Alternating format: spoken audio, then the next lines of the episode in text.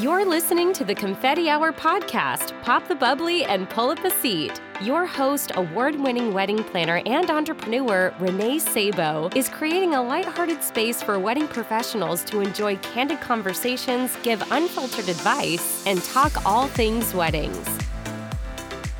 Before I kick off this episode, you guys, I am so thrilled to share my new education website is here. It has been a labor of love, and I am just so thrilled to share it with the world finally and with our amazing community. This new website is a home for my one on one mentoring services for planners, my speaking engagements, my educational blog, the Confetti Hour podcast, and last but certainly not least, because this is actually one of my favorite new things that I've included into my education services, it is my Confetti Hour shop. The shop has digital resources for wedding professionals and especially for my fellow wedding planners. I also have some awesome little products in the shop if you ever have any wedding pros you are looking to give gifts to, or you just want to spice up your desk and your life with some fun wedding planner themed products. In addition, you can also find in the shop many and many of the tools that I use to run my planning business and also my education business, including this podcast. And I've also linked my Amazon storefront, which has a link to so many of the products I use as a wedding planner. I swear I get this question all the time like, what do we bring on site? What's in our emergency kits? And I always think it's such a simple thing, but clearly people want to know. And I also like knowing what other people have. So, anyways, I've created my own little Amazon folders so you guys can look through and find some of the products that I use all the time, and honestly, that I cannot live without for my wedding planning business. I hope you will go check out the new website. It is reneesabo.com and connect with me over on Instagram at the confetti hour and let me know what you think. Welcome to this week's episode of the Confetti Hour podcast. I am so excited to continue on our journey. You know, we've launched seasons this year, and I have collected 10 incredible wedding professionals to really inspire and change your mindsets and help you um, on all of our journeys of being a wedding professional. So, for this episode, I am sitting down with a fellow educator, fellow planner, and podcaster. So, you know, my heart's a flutter, but I cannot wait for you to get to know her. In this episode, we are interviewing Brandee Gaar of the Wedding Pro CEO. Brandee Gaar is a luxury event planner, thought leader, educational speaker, and host of the Wedding Pro CEO podcast. As a lifelong lover of all things events, Brandee spent seven years as a corporate event planner with the prestigious Gaylord Hotels brand before opening her own event consulting firm. Blush by Brandee Gaar and 11 Events by Blush have quickly become known for their over the top events and high touch standard of customer service. Brandee is passionate about teaching wedding industry entrepreneurs her exact strategies in growing two six figure event businesses while still being a present mom and wife. She provides expert tools for those who are ready to ditch the overwhelm and build the profitable business they have always dreamed of. You guys are going to hear all about Brandee's journey, and she's also going to be sharing some really incredible tips on creating profit, how to ensure your packages are profitable, and start paying yourself a salary from your business. We'll finish up with asking what she wishes other creatives knew, and of course, her confetti hour confession. All right, without further ado, please help me give a warm welcome to Brandee. Hi, Brandee. Hey, Renee. Thank you so much for having me. I cannot wait to talk about this topic and I have been so looking forward to being on your show. So thanks for having me. Thank you so much for coming on. I we've recorded together before and I just adore you. You're the light that our industry needs and so I'm the grateful one that you're here and everyone will love this topic too. So yeah, I can't wait to get us started. I actually want to dig down a little bit and hear about your journey because you're always hosting your own show and you're focused on other creatives. But today the, we're going to start off and I want to hear about you and what your journeys looked like. Oh yeah, yeah. Well, I loaded question. I know. I know, right? It's like how far back do we go? Yeah. You know, I I always like to tell people that like I am fully aware that I feel like I've had a fairly charmed story and that doesn't become Aww. that doesn't come because I, you know, I I did not grow up with wealth. I didn't I actually grew up on the the opposite side of yeah. um, middle class and I you know really eh, I think the reason that I say that I had a charmed career is because I'm one of the few people who I've known since I, I, could talk that I wanted to be a party planner. Like I've never wanted to do anything different ever. I and love that. Yeah, I think it's something that, you know, when I interview people on my podcast, I always ask too, right? Like, how'd you get into this crazy industry? And it's so funny to hear these crazy stories about, like, well, first I did this and I went to school for this and I kind of wandered yeah. into it. And I'm like, I mean, I was laser focused. Funny enough, when I was six, my um we had a babysitter and I actually had her help me plan a whole anniversary dinner for my parents. Like everything. Like at meal, six years old, I love crazy. that. Yeah, I feel and, that we, I would, I'm just like you, so I really love that. it's so fun, right? And it's like I feel like I, I've wanted to do this for my whole life, and so as we were working through, or as I was in high school, and kind of like I know I want to plan parties. As I was in high school, I was really working through like how do you become a party planner? Like what do i need to go to school for? I, honestly i didn't know that there was a degree in it until i i grew up in orlando and so um, ucf is our big school here right in town right. they are actually opening a hospitality school oh, and oh, wow. it's it's in the you know the top hospitality schools now but at the time it was brand new and i was like wait a second i can go to school for party planning like that's a real life degree and like there you needed to say no more like i was like i'm right i'm sold yeah done and done and like my classes were like cooking you know wine tasting like it was bizarre that's um, amazing yeah we did not have that on it, well i grew up in ohio and i just think that Florida has been the front of hospitality mm-hmm. because I think Disney World down there sure. and just all the tourism that comes from it. So yeah, I, I mean, think that's amazing. Yeah, I mean, and that's the thing. Like all of my friends were going, you know, away for school, and I'm a super independent person. And I remember my mom kept saying, like, "Are you sure you don't want to go away for school?" And I'm like, "But I'm literally in the mecca of yeah. tourism. Like, why would I leave? It doesn't make any sense. This is what I want to do." I right. did know I never wanted to work for Disney, and I don't really know why. I don't know if it's because I grew up here, but it was kind of one of those things that was like, no, I don't want to be a number. Yeah. And I'm not saying that Disney treats their people that way at all. I think it's an amazing No, no, company. but it's a huge company. Yeah. It is. And I just thought, you know what? That's just not what I wanted. So went to school for hospitality. I graduated from the University of Central Florida. Um, I sit on their advisory council now for their Rosen School. I just, it's just a phenomenal program. I love being part of it, love teaching on campus. Um, and then I, you know, I did my internships at Central Florida Hotel and Lodging Association and I just had a great career. So when it was time to graduate, crazy enough, I graduated um, in 2001, in the fall of 2001. And so for anybody listening that was around at that time, because it makes me feel like a dinosaur sometimes, um, I graduated college then, not high school, but I graduated. And, um, you know, that was right after 9 11. And okay, so yeah. all tourism had stopped. I mean, it was just at a complete stop. Obviously, not right. like we've had with COVID, but, you know, no one was hosting conferences no one was flying and so here i am this like 22 you know little spirited 22 year old spirited you know like give me a job and ready to go yeah. yeah. no one was hiring i mean they'd laid off 50% of you know the tourism market and so i was just like what am i going to do and so a big hotel was opening here the gaylord hotels it was their first flagship property outside of nashville and as luck would have it, I my boss at my internship was college roommates with the director of catering and he was like i can get you an interview and and i you know i tell people all the time please do not underestimate the value of your network. Like oh, i yeah. will say anytime somebody says like what what led to your success? A 100% my first answer is always my network and that's continued past then but you know i think a lot of people miss this is is that value of those relationships and me having done that internship and really worked hard with that company to show them my value you know he was able to say to this director of catering who had thousands upon thousands of applicants like you need this girl on your team and you know that goes That's such amazing. a long way. Yeah it really it, does yeah. it was incredible. So i started at the gaylord Palms Resort. I was a little green coat. I was so excited. so and cute. um the green coats are kind of like Marriott's red coat program and you know, it just was like the best job ever. And I moved up very very quickly.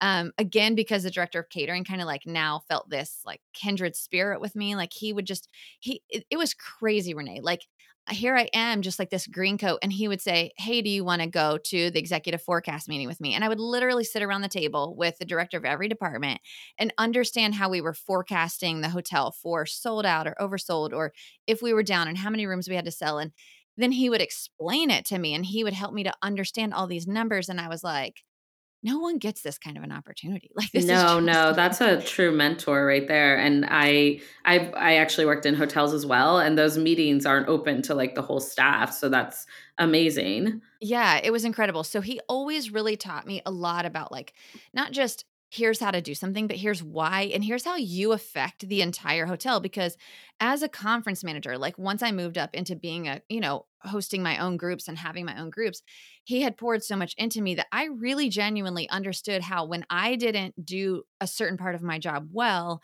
it could affect, you know, the IT department or it could affect front desk. And then they're getting bad reviews or they're not able to properly service our guests because I didn't do my job. And so really understanding yeah. how you as the orchestrator affect everything else.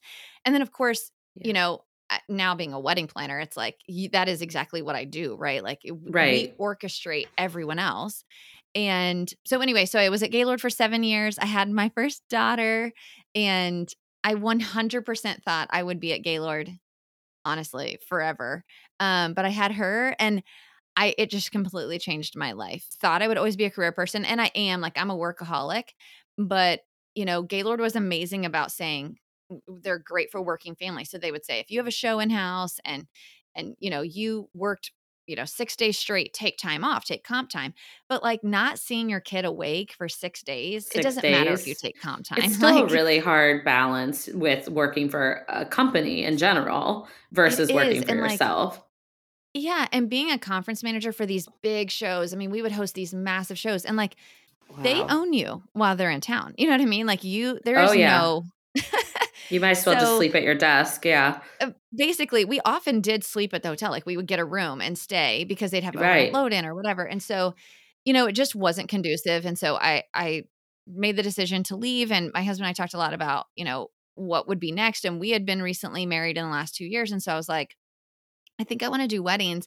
And so I ended up leaving working for another company and she was wonderful, but she was like, you know, I really don't want to get big. Like I am a stay-at-home oh, okay. mom and I want to I want to have a business that supports that. So I want to do this for like extra money, but I don't want to get big. And I was like, oh, mm. "Oh, wow."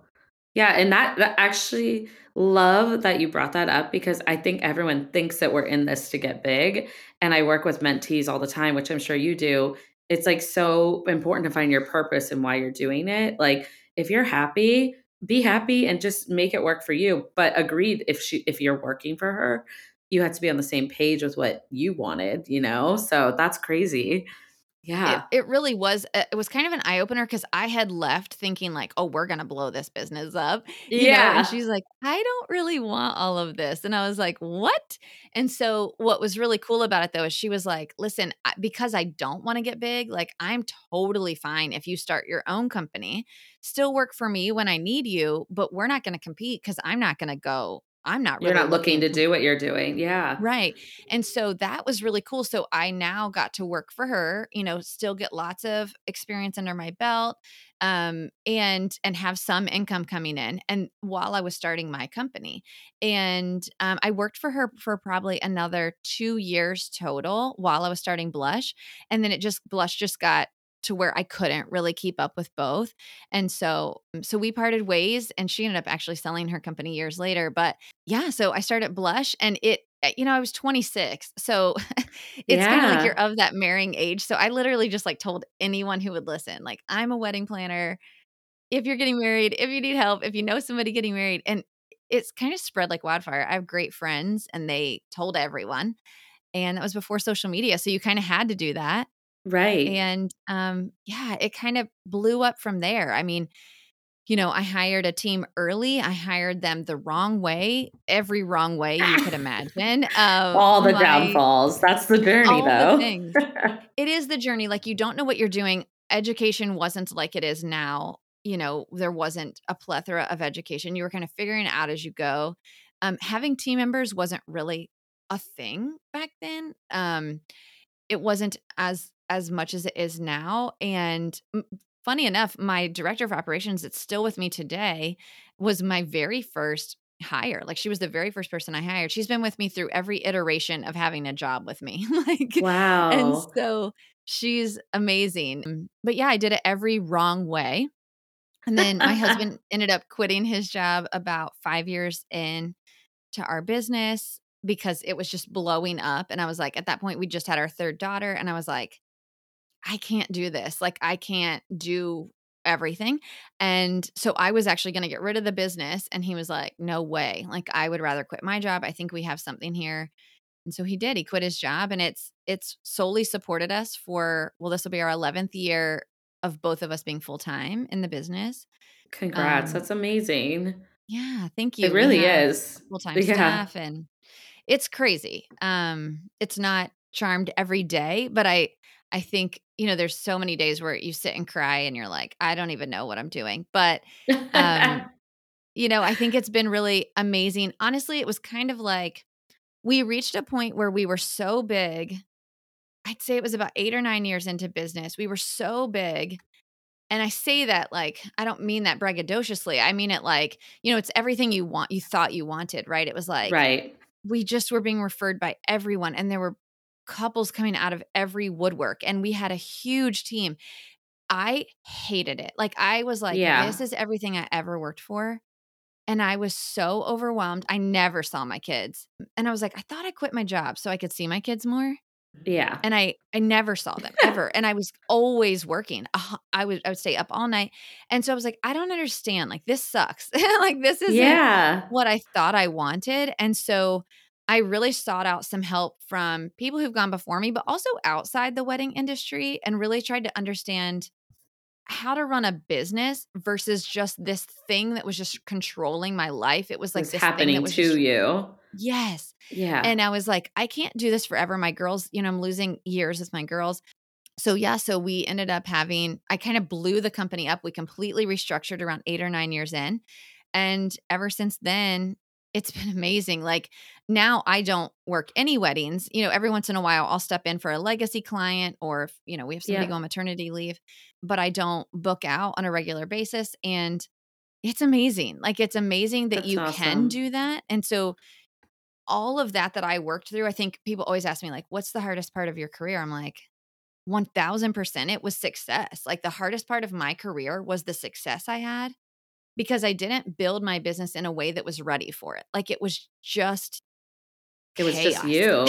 yeah. Was it like everything I mean, I, was on your shoulders type of yes, feeling? Like I had yeah. a huge team, but they they they almost like I considered them like taskmasters, right? Like they they knew mm-hmm. to plan a wedding, but it was like any everything else came up to me. Sales, HR, payroll, client issues, um, you know, networking, everything. And so it just wasn't sustainable and yeah so now i love being able to to really be able to mentor and coach my team focus on growth focus on revenue focus on helping them to build a career with my company instead of it just being like here's a handful of weddings um, and really making my business something that is bigger than me because I started to realize too that there has to be an exit at some point, right? And like I didn't want to work my entire life for something that really was built on my shoulders and then it was worth nothing without me. So we started working really hard on on making it have nothing to do with me to be honest. Um and so yeah so building an exit plan. So that's kind of my journey and it, has been a fun one um but i love it so. That's incredible. I actually didn't know so much about that like about your journey and i'm thank you for sharing some of the highs and the lows because i think it's inspiring for people that are kind of on their journey still figuring what that is you know out. So because there's so many types of ways to be a a wedding planner but also be an entrepreneur.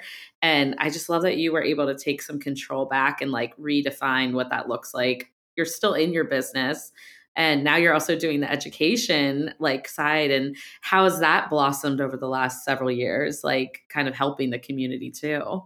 Yeah, it's been really, really interesting and really fun. You know, I think because I had, you know, by the time I started coaching, I started coaching 2 years ago.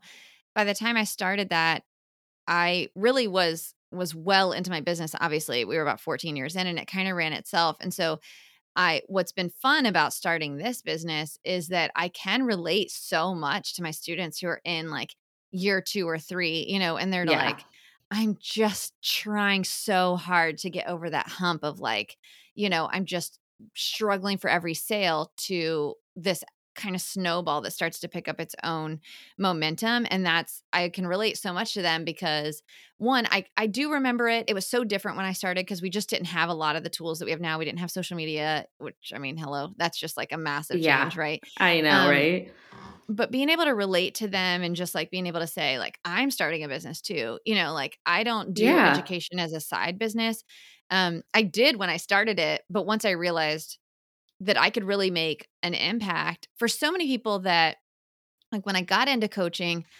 I, you know i tried to think i know i don't want to coach wedding planners to be wedding planners i felt like there were just incredible opportunities out there incredible educators that were already doing it I knew I didn't yeah. want to do that. And so I really thought, like, what was the hardest thing for me in my business? And really thinking back to that, like scaling, like scaling was the hardest part of my business. Understanding how to run a business was right. the hardest part of my business. And I think it's a it's a huge it's a, missing piece in our yeah. space, right? I do think that that is something that people don't talk about enough. Yeah. And I, have loved to see over the last few years that it's become more prominent, especially mm-hmm. with podcasts like yours and mine. And um, that honestly is what inspired me to start this. And I'm sure yeah. the same for you because it's, it, you can't have you can't have the types of weddings you want without a well-run business too. I've learned right. that from you know lots of ups and downs and pitfalls and I'm still going through them after the pandemic. And so like I just love that you're able to help people with all the experience that you went through um, and even currently building your education, you know, business. So it's it is, you know, really like special that these things are available now because when yeah. I when all when we all got into the industry this didn't really exist so um, having no. this community of amazing educators so yeah I I've loved seeing you grow over the last uh, how when did you start coaching I should say 2020 end of the summer 2020 yeah I thought so because um, I've seen yeah. you just like blossom over the last few years it's amazing Thank you. Yeah, it's been yeah. a lot of fun and I think I think too, you know, the most important thing is not just becoming an educator to be like, "Oh, I guess that's the next phase of my business," but to really think like, "How can I make an impact?" And I think the pandemic yeah. really did that for me for a couple of reasons. One, I started my business in 07 and the Great Recession of 08 was yeah. immediate. And um, so I I really, you know, I thrived in business through that. And so being able to kind of shed some light for people that like this can actually be an amazing time to start your business. This can be a time to really thrive through what's happening and and i also felt like because i had a team um i had a lot of resources that solopreneurs didn't have. I feel like the pandemic created so much just loneliness right? Because we weren't going out we weren't seeing vendors we weren't networking and I, a lot of just scared people. How am I going to get through this? What do I do? And so, because I had a team to bounce ideas off of, and I also had a really great network of other planners, I felt like it was just my duty almost to start just, well, I did. I literally, on March 17th was my first time ever going live. Um, and I just started going live, just saying, like, here's what we're doing. I don't know how this helps, but here's what we're doing. And and that was kind of my entry into the coaching space because I just felt this need to help my community. And so I went live from March of 2020 to October of 2020 every single day on Facebook. Every and I would just talk about whatever, like whatever was going on in our business, whatever I'd heard, you know, happening, um, questions people were asking. And yeah, and then at the end of that is kind of when I started realizing this could actually become a coaching business and that's when i had to figure out like well, what do i want to coach people on? You know what do i see that's a problem? And the biggest problem i see in our industry and i'm absolutely on a mission to change it is that we wear overwhelmed and burnt out as a badge of honor. And it's like when you go to a mm-hmm. networking event and you say you know how you doing? and, and it's like well i haven't slept in three days and we have five events this weekend and you know it's just crazy. That is everyone's answer And it's like it's the awful. the person yeah. that has has had the le- least amount of sleep is the most successful. Like what the heck kind of industry are yeah. we in? And I just thought, no, I'm not doing that. I'm not giving into that kind of culture. And so it I really kind of jumped on this mission to say I, am changing it. Like i'm going to start teaching people how to build a business that doesn't require their constant oversight that you know just this past weekend my company had five weddings. I wasn't at a single one. And I, I uh, that's not for everybody but i think that there it's important to understand that you are not the most successful because you're the most stressed out.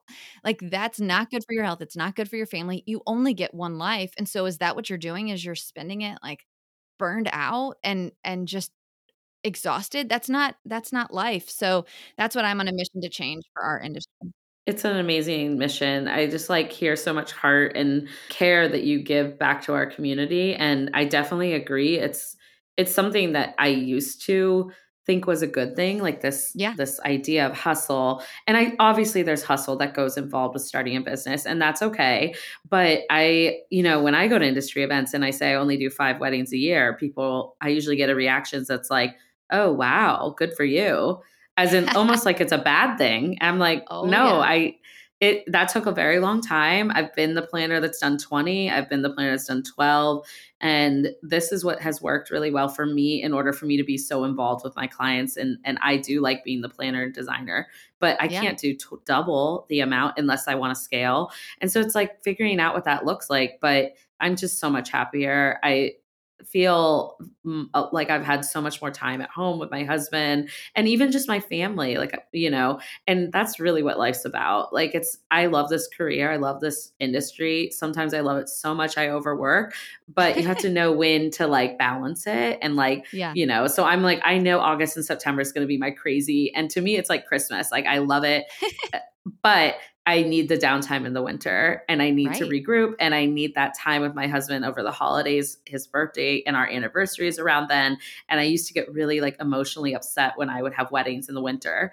And so I just like not all the winter, but there was one year where I booked like three or four in the winter and it was too much. It was like it's too much over the holidays and I'm just it's you have to constantly be asking yourself these questions and i just love that it's your mission to make uh, people understand that busy is not successful. Like actually scaling and balance is more successful.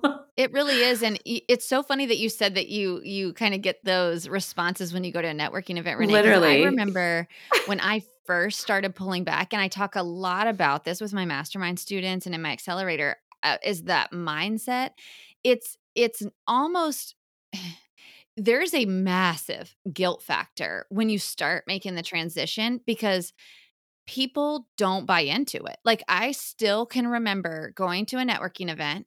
I will never forget.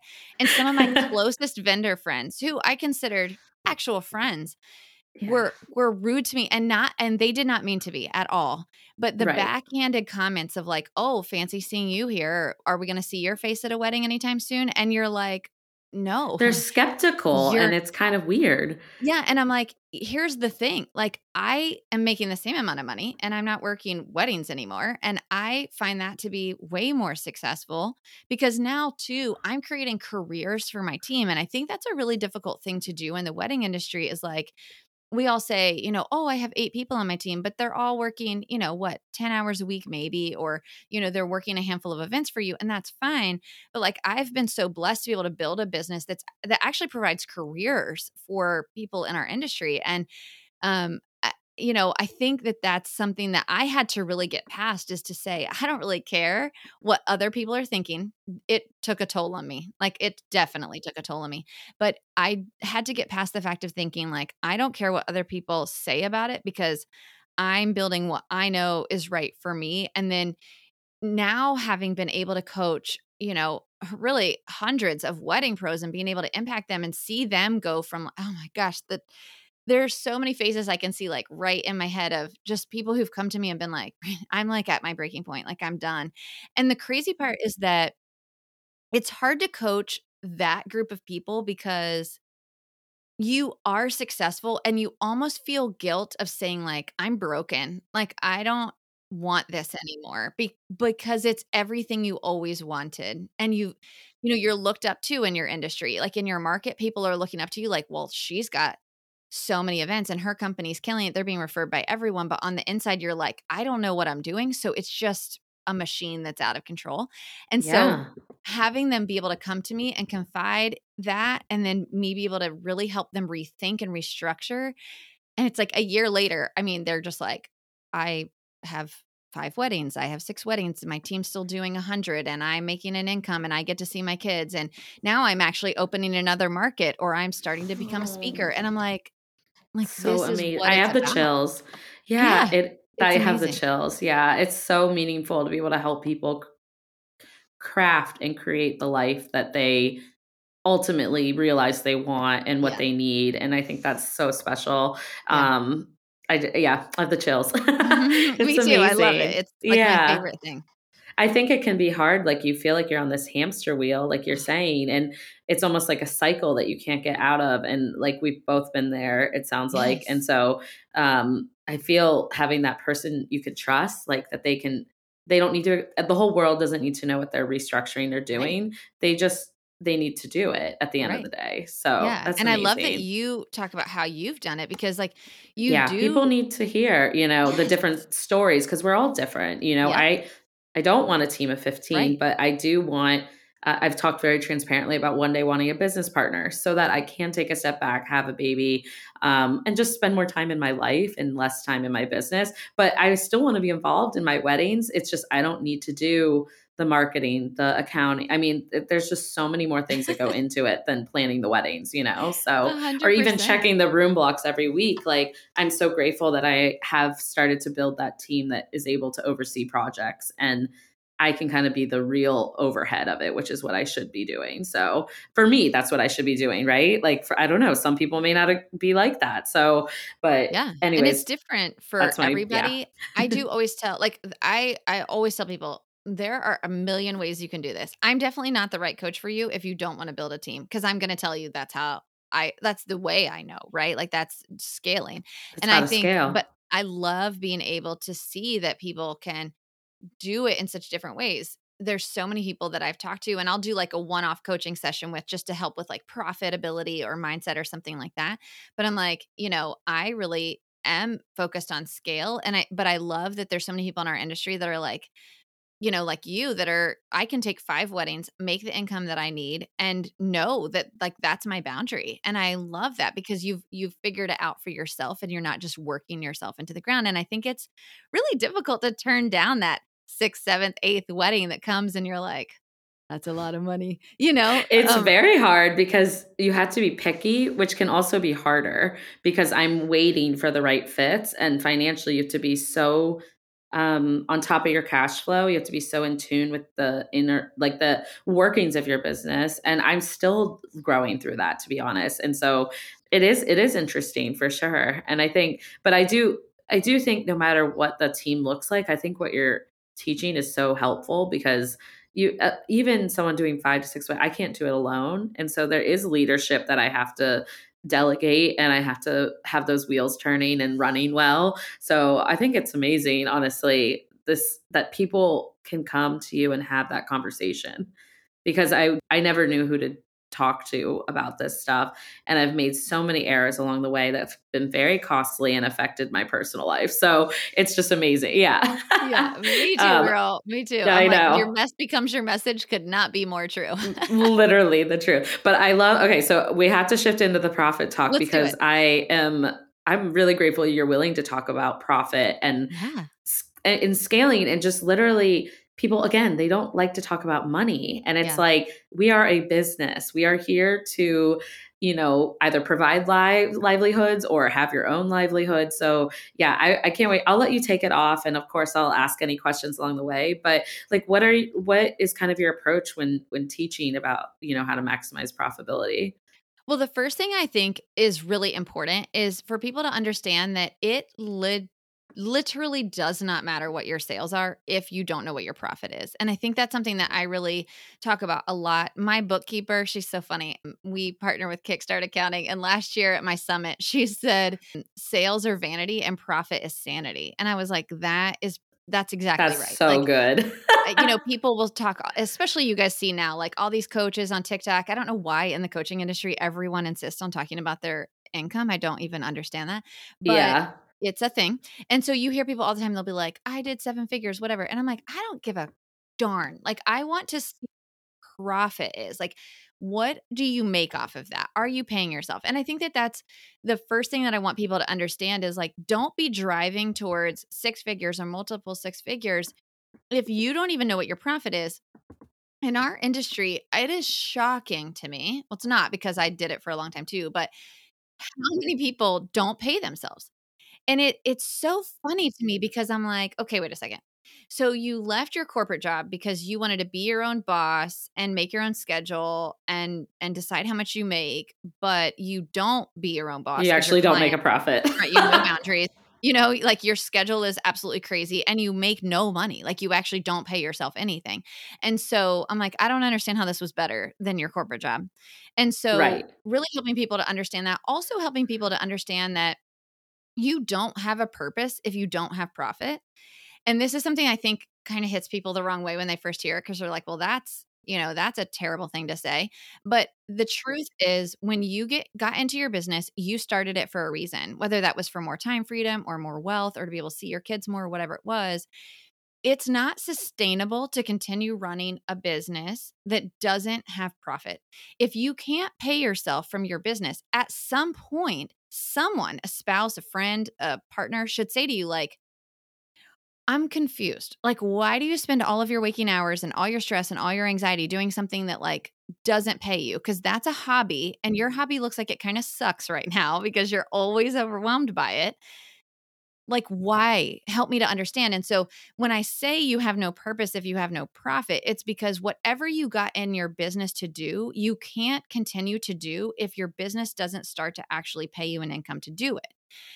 It it just won't. It's not sustainable. So Right. And I and I I think that that's really important for people to understand. So when we talk about that, the first thing I want you to understand is that profit is a necessary part of your business. Paying yourself a salary is a necessary part of your business.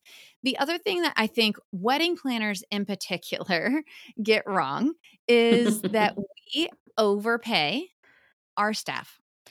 And here's why we do it because we think like eh, I know I'm going to get heat for this comment, but we I love that you're going here. Well, the reason I say that is because a lot of wedding planners in particular pay their team on a commission basis. So it'll be like, hey, if you start doing weddings with me, then I'll pay you a percentage of the package. Well, mm. most of the time, what I hear that percentage is 60% or 70%. And I want to cry when I hear a wedding planner come to me and they say that oh because gosh, I'm like, so high. How do they so run a business? they might as well just go have their own business. Thank you. Okay, so this is literally. I, I agree. I and agree. I'm like, here's what you miss. The reason we do it at 60 or 70% is because in our head, we're like, well, they're doing all the work. I'm just booking the client. But the piece you forget is that you built the reputation to book the client. You had to get the client. You carry the insurance. You pay the credit card fees. It's your brand image. It's your butt if they don't show up. Like, there's so much on the back end that you have to do to run that business. And the problem is when you're paying somebody more than really 40% is the threshold that I like to keep your contractors at when you're paying somebody more than that, there's no flow through for you to pay yourself simply to be the CEO of the business. So when you then come to me and you're like, I want to start, you know, kind of stepping back from the day to day, I want to take less weddings so I can focus on this other revenue stream. I'm like, well, your business doesn't produce enough income to pay you to be the CEO because you're paying your staff so much. And so then we have to create this plan to kind of back out of that. And just in case you're wondering, I would never, ever, ever, ever tell you to pay somebody 70% and then just be like, by the way, I'm only going to pay you 40% now. That's not how we work that out. Never. but, yeah, of course. There's, there's a whole process to it. So, what I always like to tell people is like, your business has to pay you just to be the business owner a certain part of every wedding because if your if your income as the business owner is 100% tied to how many weddings you do there's no time for you to be the business owner. There's no time for you to focus on the growth of the business and to network and sell it. So that's what I really work through with my students is helping them to understand how much of their cash flow should go to their team, how much should go to paying them simply to be the business owner and then how they can structure their own weddings you know i i'm not here to say like stop doing weddings tomorrow. I always phase that out with my students and i'm like how many do you want to do you know? Right. Um but it's different for everybody but the biggest thing is that really understanding that you get paid to be the business owner. The second piece of that is really understanding how much time goes into your packages so I I always find this to be super interesting too, Renee. So when I start working with a, a planner in particular, I think planners and photographers are the most guilty of this. I think you're right. Yeah. of this um, is that they will so they're they're typically your base package, like your your basic package so like your six hour your eight hour for, for photographers and your you know day of coordination for planners is actually a decent package like most of the time that's the one we focus on the most of getting your um getting your profitability like people are like Eh, that's usually good. The problem comes in is when you then sell your partial plan or your next two packages, partial plan and full plan, or your bigger packages for photographers, and you just increase the price a little bit because it just sounds like it's getting too high when you double or triple it. And so what they end up realizing is like they might be making $80 an hour if they sell their basic package, but they're only making like $42 an hour when they sell their bigger package. And the problem is it's it sounds like it's so great to sell their biggest package because they're like, "Yeah, look at all this money I'm bringing in." I'm like, "Yeah, but you're actually making half your hourly rate by selling that." And so that's where when people end up at the end of busy season and they're like, "I just worked so hard and there's not a dime left in the bank account." And I'm like, "Here's why. Because you're selling your packages at a lower rate than you should be and there's no profit anymore.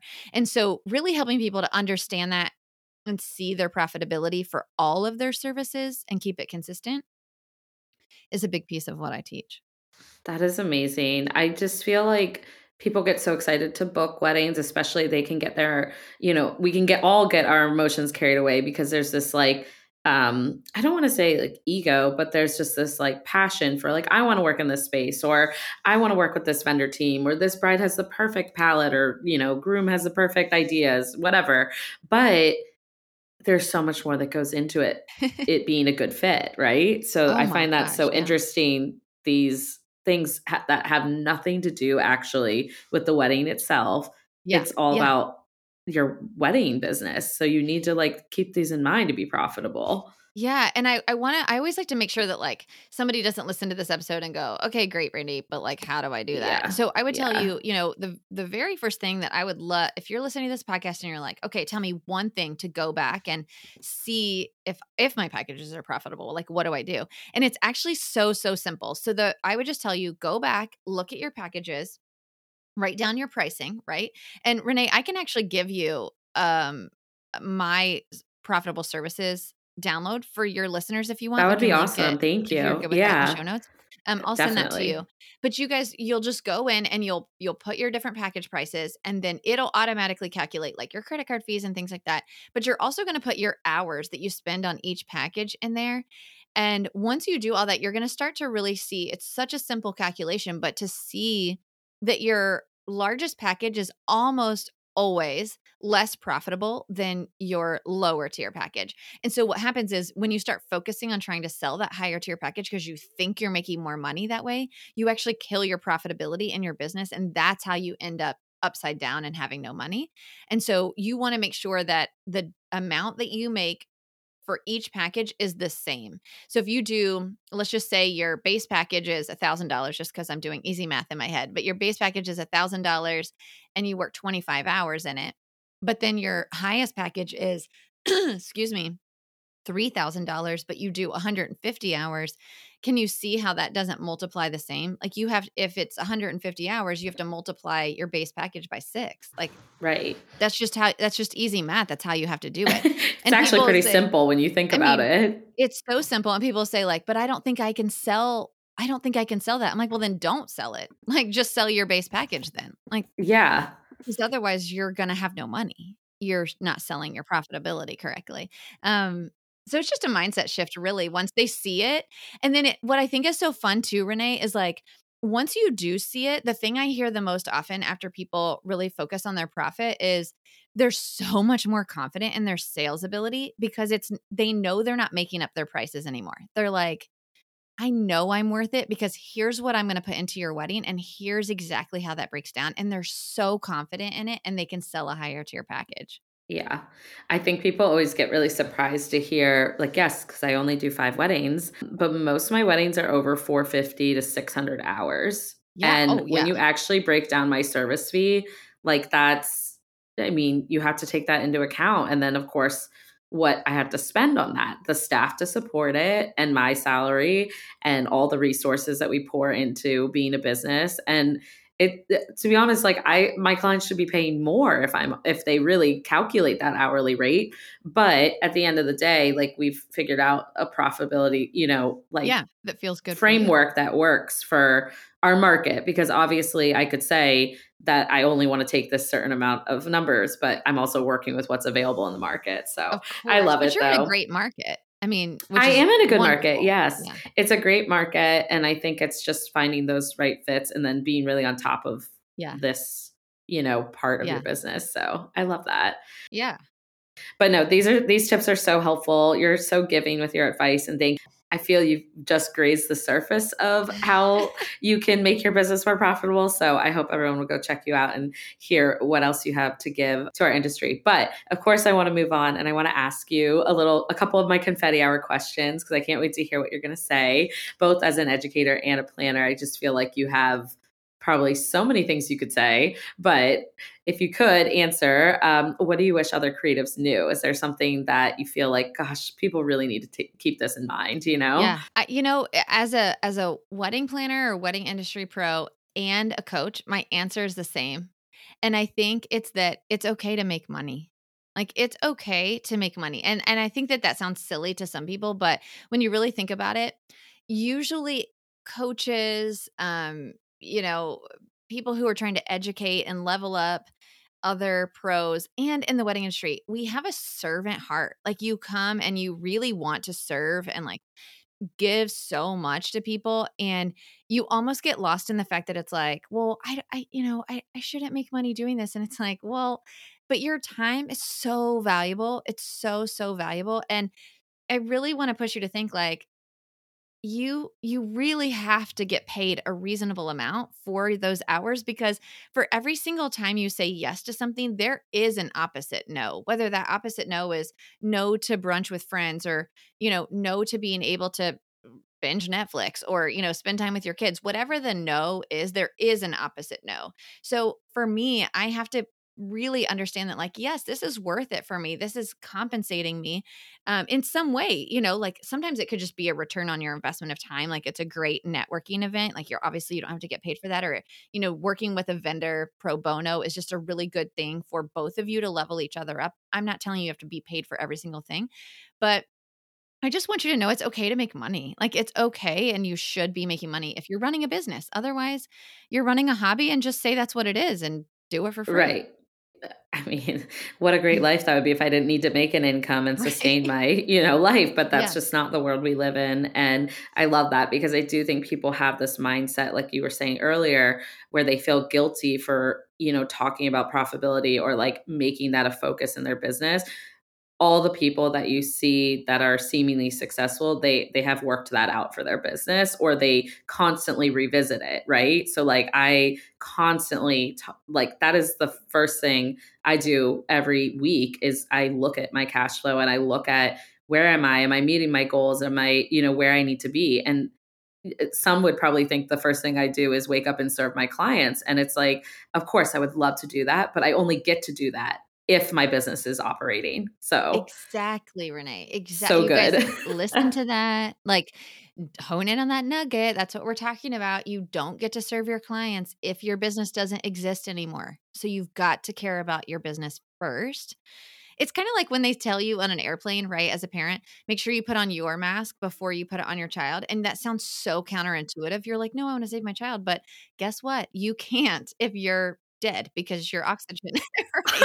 so like you made it sound so much nicer. And it is like I just think it's you have to care about your business first to be able to serve your clients. And if your business is healthy financially and, you know, time wise, then you're going to be able to serve your clients so much better because you're not going to be stressed about back end stuff. So yeah, so it's okay to make money. It's it's it's amazing to make money and yeah. I love I love how forward you are with that. So that's amazing. Mm-hmm. Well, of course I want to ask you too if you have a confetti hour confession with us. This one might be harder, but it could be anything silly or just like even a little story like that people may not have known about you. Oh my gosh, you guys. I I am pretty transparent on my podcast and I I feel like now that I've gotten on TikTok too, forget it. Like no holds barred. I just say everything. Um, you're so but, good at all your reels and TikToks. I'm telling you, I love it. well, you're so funny. That, you know, it's like all of a sudden I'm like, you know what? Forget it. I'm just gonna curtain down. Like we're just gonna go. Let's just go for it. I love yeah. that. So I do feel like people know a lot about me, but if you don't know me or you don't follow me yet, one thing you might not know about me is that I am obsessed with McDonald's. Like I really fan. I love I love McDonald's. Great confession. It, it, I mean, I it's so ridiculous actually. And funny enough, I actually have like this it's so stupid. I am obsessed with customer service and so people always say to me like then how do you go to mcdonald's and i'm like i don't know i just love it so much nothing nothing nothing beats a mcdouble and a large coke when you are in a hurry like I'm with you. I actually if someone's saying they don't like McDonald's, I feel what? like they might be lying. I think it's just they're for sure lying. They're, they're for lying. sure lying. Yeah. I try not to because I try not to be unhealthy all the time, but I'm gonna tell you, like on the way home from our wedding, oh. my team and I park in the parking lot of McDonald's and we eat a McDouble, fries, and a Diet Coke, and there yes. is nothing more joyful than that to be honest, my clients, like, of course, we love our tips, but they could just get me a McDonald's gift card and we'd be like, wow, that's real money because literally we go there. 100%. I actually have had, I had a student one time send me a McDonald's gift card and I laughed so hard. I was like, so no good. freaking way. Like, this is getting out of control. But I love it. I'm obsessed with it. I eat there way too much. And I, I often I pay it. cash for it so that my husband doesn't know exactly how much I eat there. okay. We got a good confession out of you. Yeah. So, Will he anyway, listen to this? No, I'm just kidding. that was amazing. Thank you. And uh, honestly, I'm with you. Like it's McDonald's is so good. Yeah, it is. I yeah, it's it's definitely my guilty pleasure as well. So I love it. Well, of course, as I bring the episode to the end, I'm so sad because I love talking with you. But I want to hear what do you have going on for the future? What are you excited about? Um, and how can you know everyone support you and find you? oh my gosh, you guys! I again feel like just wow it's just such a blessing of just the people that have surrounded me in this coaching journey and um, how we get to come on shows like this and like talk to other educators it's just incredible. So lots of things coming up um, the wedding pro ceo summit is coming up actually really really soon. So it's our second year of doing it. I did it last year for the first time had no idea what i was doing. It was completely overwhelmingly amazing. Um, we are almost sold out, so I'm super excited about that. But you can go to brandeegaar.com slash summit. It's June 5th through 8th. And um, it is an incredible lineup of speakers. So I'm super excited about that. So the summit is coming up. And then I also uh, have a new program called the Wedding Pro CEO Accelerator, and it's really just I've I've had my mastermind for 18 months now, but we've live taught through it for the entire 18 months, and we really decided that it would be helpful for people to kind of like have a course on the front end, but also still be able to join the mastermind to like work through it, have the community, and really be able to you know implement what you're learning. And right. so, yeah, so we just launched that in January. So that was really exciting. So if you want to learn more about that, you can go to brandeegaar.com slash show me the profit. I have a free webinar there that'll walk you through um, profitability, just like we're talking about here, and um, and how to pay yourself a salary and then to learn more about the accelerator. And then the last thing i would say is go listen to episode 153 of my podcast the wedding pro ceo podcast. That episode is completely focused on pricing for profit. So really understanding how to price your services um, for profitability. So, episode 153 of the Wedding Pro CEO podcast. That's amazing. I'm going to link all this down below so it's easy thank for people to find. And I cannot thank you enough. This has been so much fun sitting down with you. Also, just learning about your journey a little bit more. I just, you know, I really am impressed by the journey you've had, but also like how you continue to like evolve with it. And so I look forward to having everyone support you. Go show Brandee some love. We will hopefully be back on each other's shows in the future. Yes. And so you can't get rid of us. That's right. You cannot get rid of us. Renee, I love your show so much. Thank you Thank for you. what you do for our industry. This was awesome. Thanks for having me. Yes, likewise. and that concludes this week's episode of the Confetti Hour podcast. Thank you guys so much for tuning in. I hope you absolutely loved our guest, and I can't wait to hear your feedback over on social media. Before we go, I just want to remind you to please subscribe and stay tuned for future episodes. And if you are a longtime listener of the show, I kindly ask you to take a few moments and leave a review over on Apple Podcasts. Do you know a fellow wedding pro who might love our podcast? Screenshot this episode, tag a friend, and tag us over on Instagram at The Confetti Hour or The Confetti Hour Podcast on Facebook. That's it for this week, and I look forward to talking with you soon. Bye, Confetti Hour Squad.